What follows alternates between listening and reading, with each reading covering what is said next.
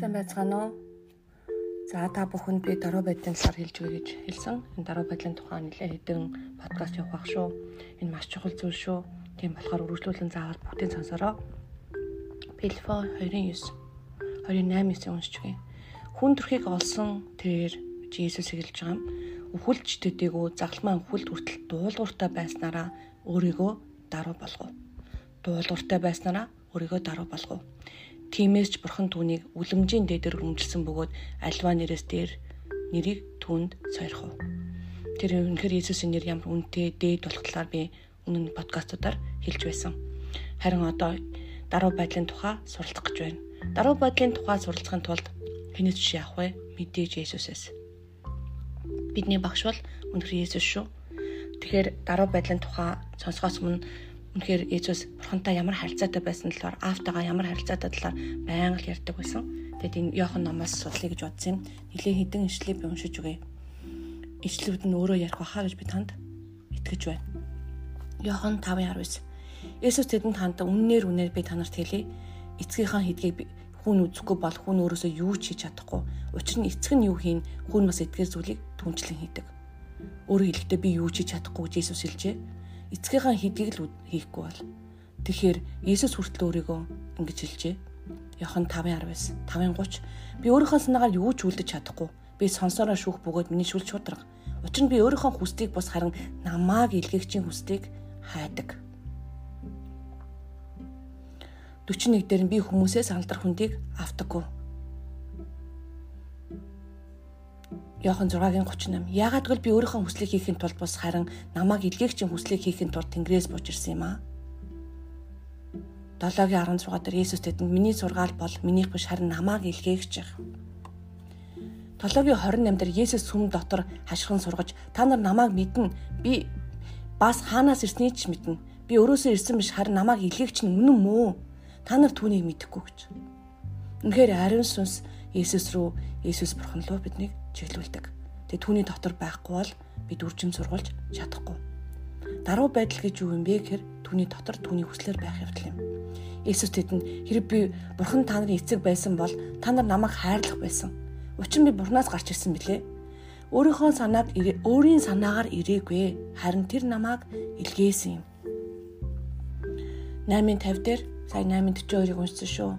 Яхан Йохан 8:50 дээр гэвч би өөрийн алдрыг хайдаггүй харин түүнийг хайдаг гэж хэлж байгаа.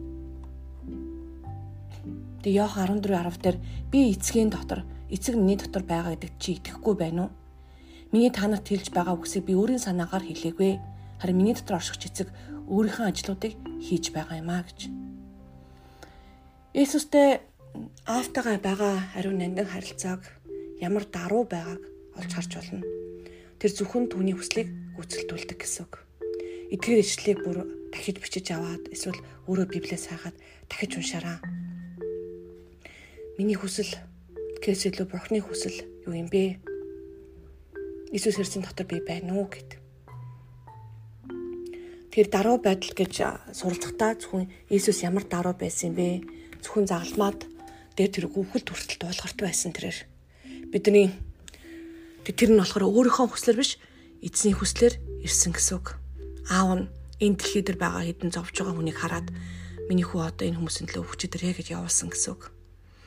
Энэ бол тийм амархан зүйл үхлийн төлөөс төлөөсөнд явж байгаа гэсэн үг. Ямар эцэг өөрийнхөө хүүг явуулах вүлээ?